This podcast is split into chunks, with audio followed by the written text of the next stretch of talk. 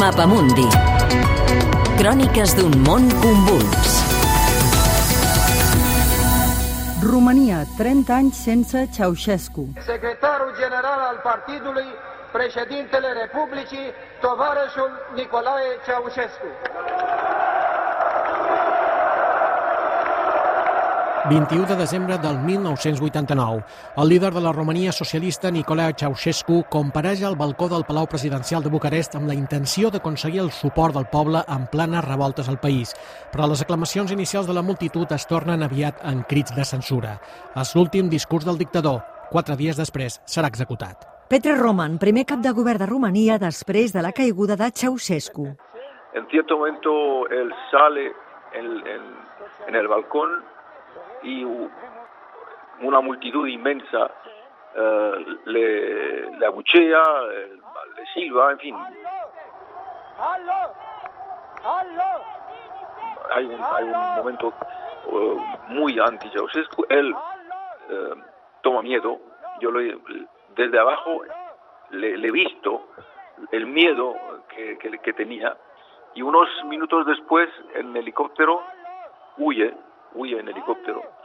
Y en aquel momento el régimen ya no existe, cae completamente, institucionalmente y legalmente ya no existe.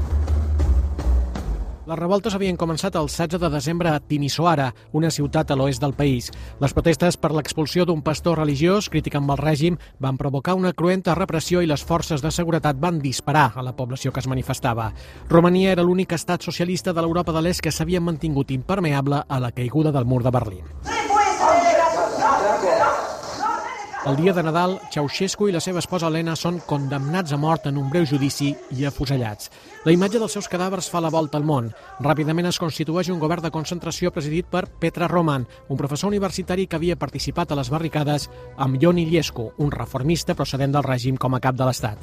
Ens ho explica el mateix Roman en declaracions al Mapamundi. El régimen comunista cae completamente, se desploma. La idea misma de comunismo en aquel momento era ya odiada lo que, lo que imprimimos en el primer momento es una idea de democracia y de economía de mercado.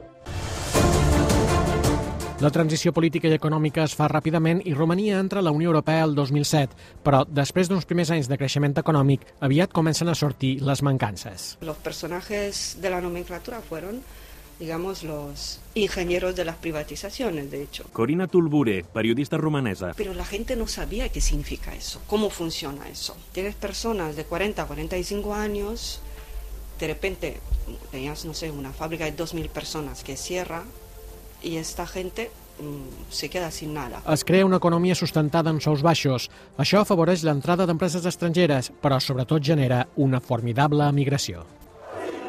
No és el 1989, és el 2019. Romania torna a viure protestes violentes, en aquest cas per corrupció contra el govern del Partit Socialdemòcrata, hereu de l'antic Front Nacional de Salvació liderat al seu dia per Ion Iliescu.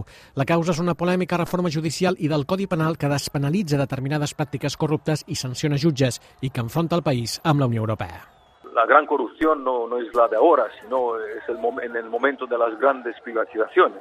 Hay, hay instrumentos para la lucha contra la corrupción en Rumanía no han funcionado tal com deberia. El govern socialdemòcrata de Viorica d'Anxila cau l'octubre del 2019 per una moció de censura i arriba al poder liberal Ludovic Orban.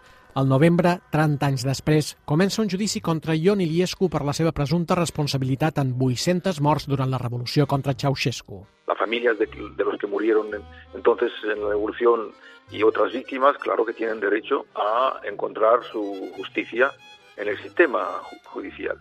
Ahora, juzgar la revolución me parece un acto político. Una transició sense tancar i una corrupció sense resoldre, però sobretot és la seva economia, a la cua de la Unió Europea, que ha fet saltar l'alarma sobre la nostàlgia.